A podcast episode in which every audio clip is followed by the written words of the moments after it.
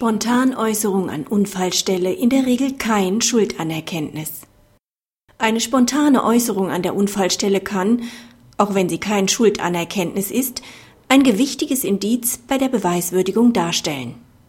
Nach der Unfallschilderung des Klägers ragte sein Fahrzeug zwar etwas in die Fahrbahn, es war aber geparkt.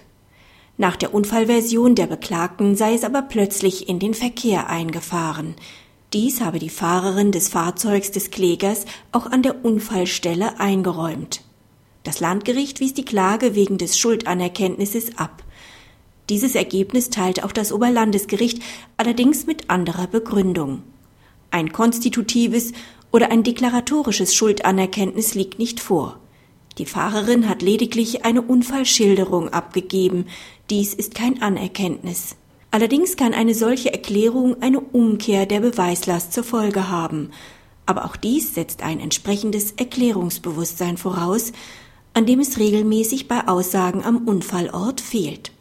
Im Fall hat sich die Zeugin auch geweigert, dies schriftlich niederzulegen. Allerdings hat die Erklärung eine Bedeutung im Rahmen der vom Landgericht vorzunehmenden Beweiswürdigung nach 286 ZPO. Auch das Oberlandesgericht wertet die Erklärung als gewichtiges Indiz dafür, dass sich der Unfall so zugetragen hat, wie es von den Beklagten geschildert wird.